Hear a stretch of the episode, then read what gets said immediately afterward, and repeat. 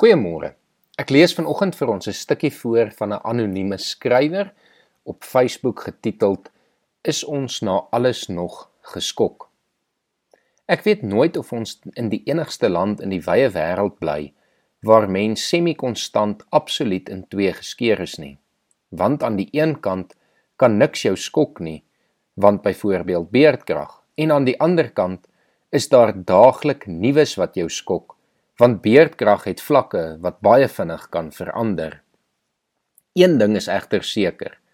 Ek weet nie van baie ander plekke in die wêreld waar daar heeltyd soveel aanpassings gemaak moet word om te oorleef nie. En die kompleksiteit laat jou styer, want aan die een kant is daar die herwinner wat teen wie weet hoeveel kilometer per uur in William Nicol Rylaan, dis nou basies die onbeheflike besige pad tussen Sandton en Randburg regop op sy trolly sonder brieke teen 'n eisigwekkende afdraande voortsnel en aan die ander kant nie sommer aan dieselfde kant van die pad het jy die plaaslike inwoner van een van die genoemde voorstede wat van haar trolly toevallige Porsche afwil raak omdat sy laat is vir haar naalafspraak. Ek is skoon bang om oor my eie strooie te kla want dit sal verseker met die witbrood onder die arm wees Wat ons dalk nie moet doen nie, is om die impak van al hierdie daaglikse uitdagings te onderskat. Want al kan mens dit snaakserig beskryf, is dit nie 'n grap nie. En tog oorleef ons juis omdat ons nog kan lag. Nog 'n ding staan soos 'n paal bo water. Ons leer elke dag nog 'n lesie by oor hoe om op die randjie van die afgrond te leef. Onthou jy? Daai storie kom ons lankal. In die 80's was dit die sanksies en ons was op die randjie van die afgrond. In die 90's was dit die nuwe Suid-Afrika en van ons was op die randjie van die afgrond. Bietjie later was dit Zuma en almal was op die randjie van die firepool behalwe die man homself en sy geweldige groot gesin en intieme vriende wat eerder in Saxon World gespeel het. Maar hierdie huidige kragstorie laat ons genuen op die randjie van iets baie skerry leef want matrieks en ander kinders en besighede en masjiene en karongelukke en kokende himere. Ja, hierdie is die land van die kollektiewe sug. Die uitroep van verligting wanneer die krag aangaan. Die hart se sak as jy hoor van nog iemand wat onderdeur is.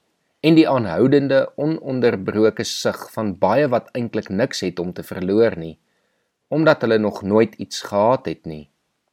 'n mens weet nie meer nie. Maar glo mens nog iets? Waarop hoop jy? Vir nou, terwyl uiteenlopende gedagtes en vrese deur my binneste stroom, sal ek eers net weer probeer asemhaal. Ek sal terwyl daar nog water in die kraan is, 'n glas gooi en die slukke registreer. Dan sal ek onthou dat ek het kos, familie, vriende, klere, musiek, liefde.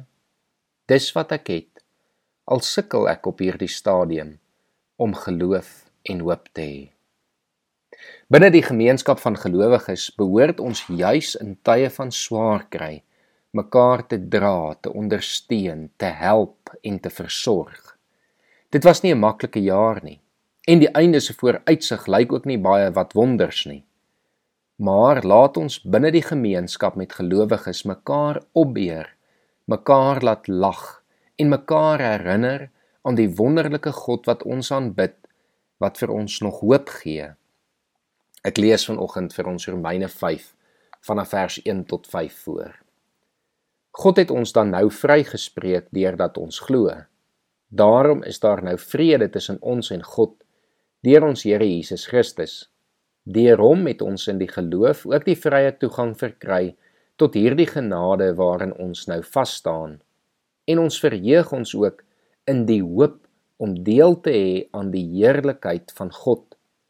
Dit is egter nie al nie. Ons verheug ons ook in die swaar kry, want ons weet swaar kry kweek volharding en volharding kweek egtheid van geloof en egtheid van geloof kweek hoop en die hoop beskaam nie want God het sy liefde in ons harte uitgestort deur die Heilige Gees wat hy aan ons gegee het. Kom ons bid saam. Here, dankie dat ons kan weet dat alhoewel daar soveel uitdagings in hierdie wêreld is, U nog steeds ons hoop bly. Dat ons op U hoop en die heerlikheid wat U aan ons beloof het. Here, help ons om nou hier terwyl dit swaar gaan, mekaar te help, mekaar te ondersteun en te versorg en sodoende deur die gemeenskap van gelowiges ook U liefde aan hierdie wêreld bekend maak. Amen.